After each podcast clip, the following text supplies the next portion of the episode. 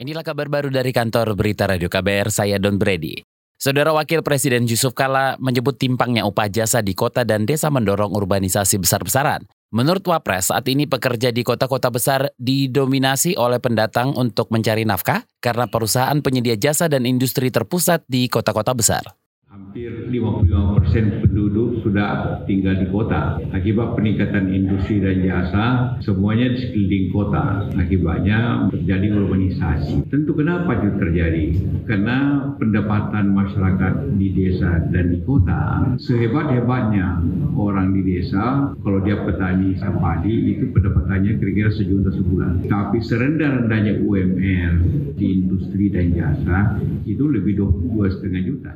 Wapres Yusuf Kala menambahkan adanya kegiatan rating kota cerdas Indonesia yang dilakukan oleh Institut Teknologi Bandung dan beberapa lembaga terkait penyediaan layanan jasa dan industri tidak lagi terpusat di kota, namun menyebar di daerah. Wapres juga berharap rating kota cerdas Indonesia dapat memacu bupati dan wali kota berlomba untuk berinovasi dan kreatif sehingga daerahnya dilirik investor dan dapat membuka lahan pekerjaan yang mumpuni untuk peningkatan ekonomi.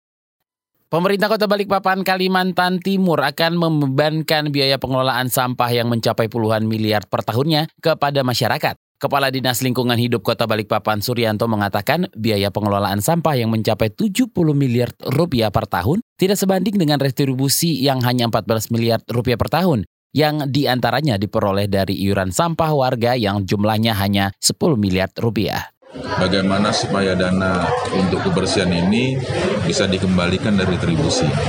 Caranya dengan menghitung jumlah dana dibagi jumlah penduduk per kapita, saya sudah hitung-hitung 600-an 650 rupiah saja per per kapita. Sehingga kalau kalau di apa di rumah tangga itu mungkin ada lima, mungkin ya kita bisa bisa bayar 3000 tapi seluruhnya harus bayar.